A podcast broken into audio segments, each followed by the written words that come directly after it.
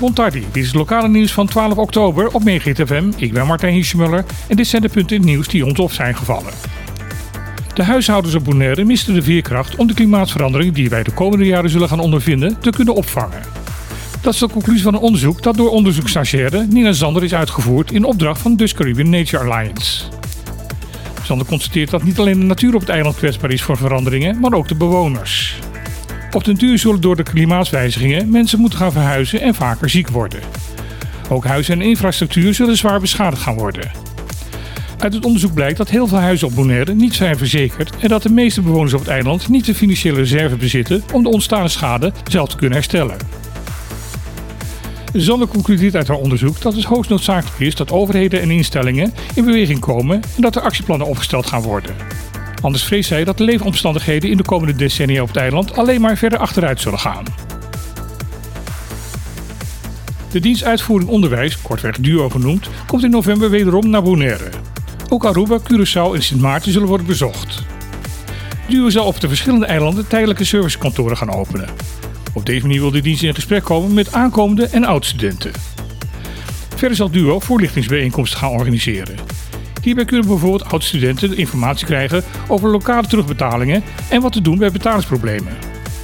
Geïnteresseerden op Bonaire kunnen vanaf 14 tot met 18 november bij het tijdelijk kantoor van DUO terecht en daar hoeft van tevoren geen afspraak voor gemaakt te worden.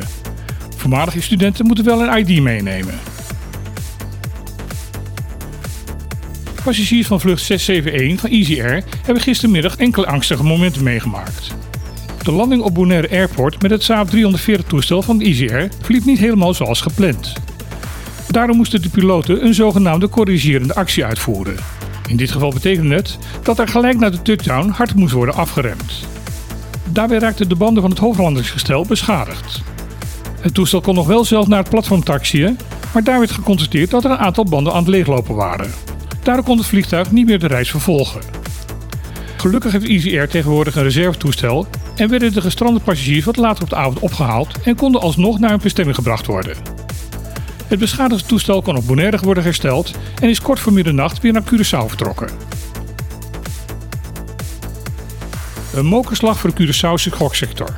Dat was de kop van een artikel dat gisteren verscheen op de nieuwswebsite Dossier Koninkrijksrelaties. Aanleiding van deze berichtgeving zijn de vonnissen in hoger beroep van het gemeenschappelijk hof op Curaçao in een zaak tegen het gokbedrijf Cyberluck en het trustkantoor Pearl. Hoofdredacteur Nardi Gram van de Knipskrant Curaçao had dit hoogberoep aangespannen omdat het gerecht in eerste aanleg haar eerder had veroordeeld. Door deze veroordeling mocht ze Cyberluck niet meer in haar publicaties beschuldigen van illegale activiteiten. Cyberluck is namelijk een zogenaamde masterlicentiehouder die duizenden sublicenties heeft verkocht aan bedrijven binnen en buiten Curaçao. Daardoor hoeven bedrijven niet zelf meer een licentie bij de Curaçaose overheid aan te vragen. Noemt deze activiteiten al jaren illegaal, maar heeft daar nooit de steun voor gekregen vanuit de Curaçaose overheid. Het gerechtshof heeft haar daar nu een hoger beroep gelijk in gegeven. Deze uitspraak zal grote gevolgen hebben voor de online gokindustrie op Curaçao, aangezien Cyberluck niet de enige goklicentiehouder is die sublicenties heeft uitgegeven. Dit was het lokale nieuws van vandaag. Ik wens u nog een hele mooie dag en graag tot morgen.